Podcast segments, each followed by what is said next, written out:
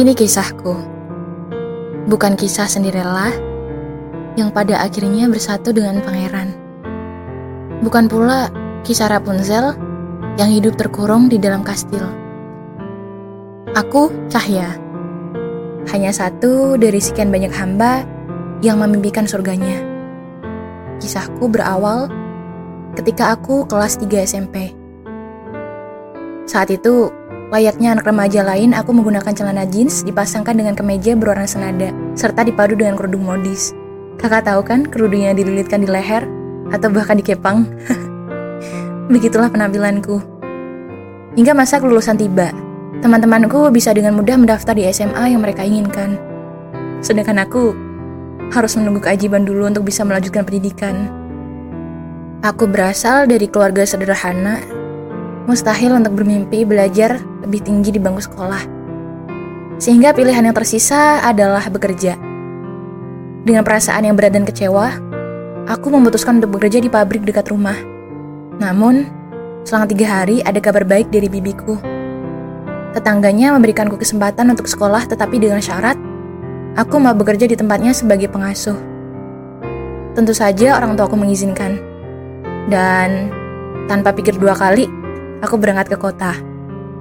Rutinitasku tiap hari di kota adalah sekolah sejak pagi hingga zuhur, lalu bekerja hingga pukul 10 malam. Ada yang berbeda dari diriku kak kali itu. Um, aku memutuskan untuk berhijab syari. Tidak lagi kerudung yang aku singkap dan aku kepang. Bahkan sekarang aku memakai dua kerudung sekaligus. Niatku untuk lebih menjaga diri karena jujur itu pertama kalinya aku tinggal di kota. Bangku SMA pun aku jalani. Alhamdulillah aku sering mendapatkan peringkat pertama di kelas. Walau dipenuhi perjuangan, aku tetap berhusnuzon. Karena justru perjuangan itulah yang membuatku semakin bersyukur. Hingga saat liburan tiba, aku diizinkan pulang kampung, Kak.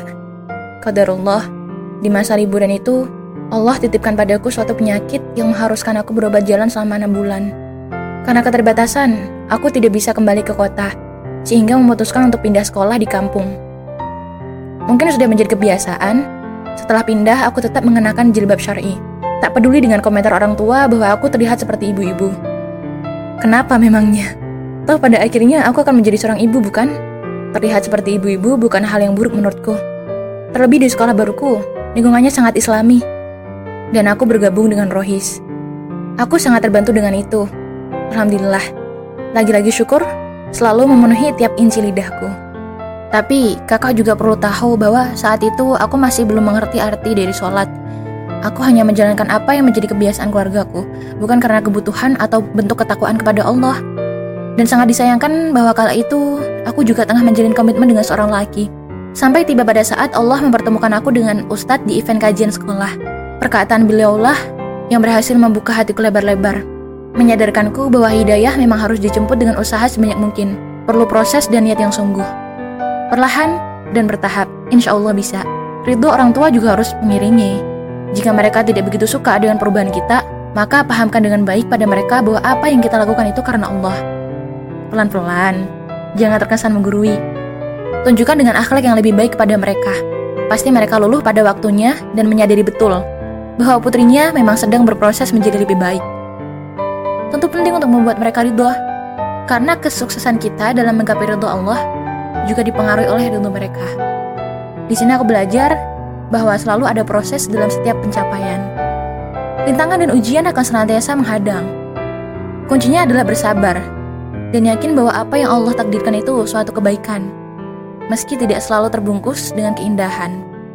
Perlu diingat pula bahwa setiap orang memiliki perjalanan, dan di setiap perjalanan akan selalu ada pelajaran.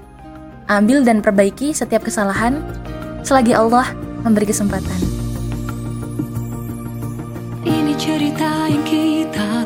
Bersama Simfoni penuh sukacita. Cerita perjuangan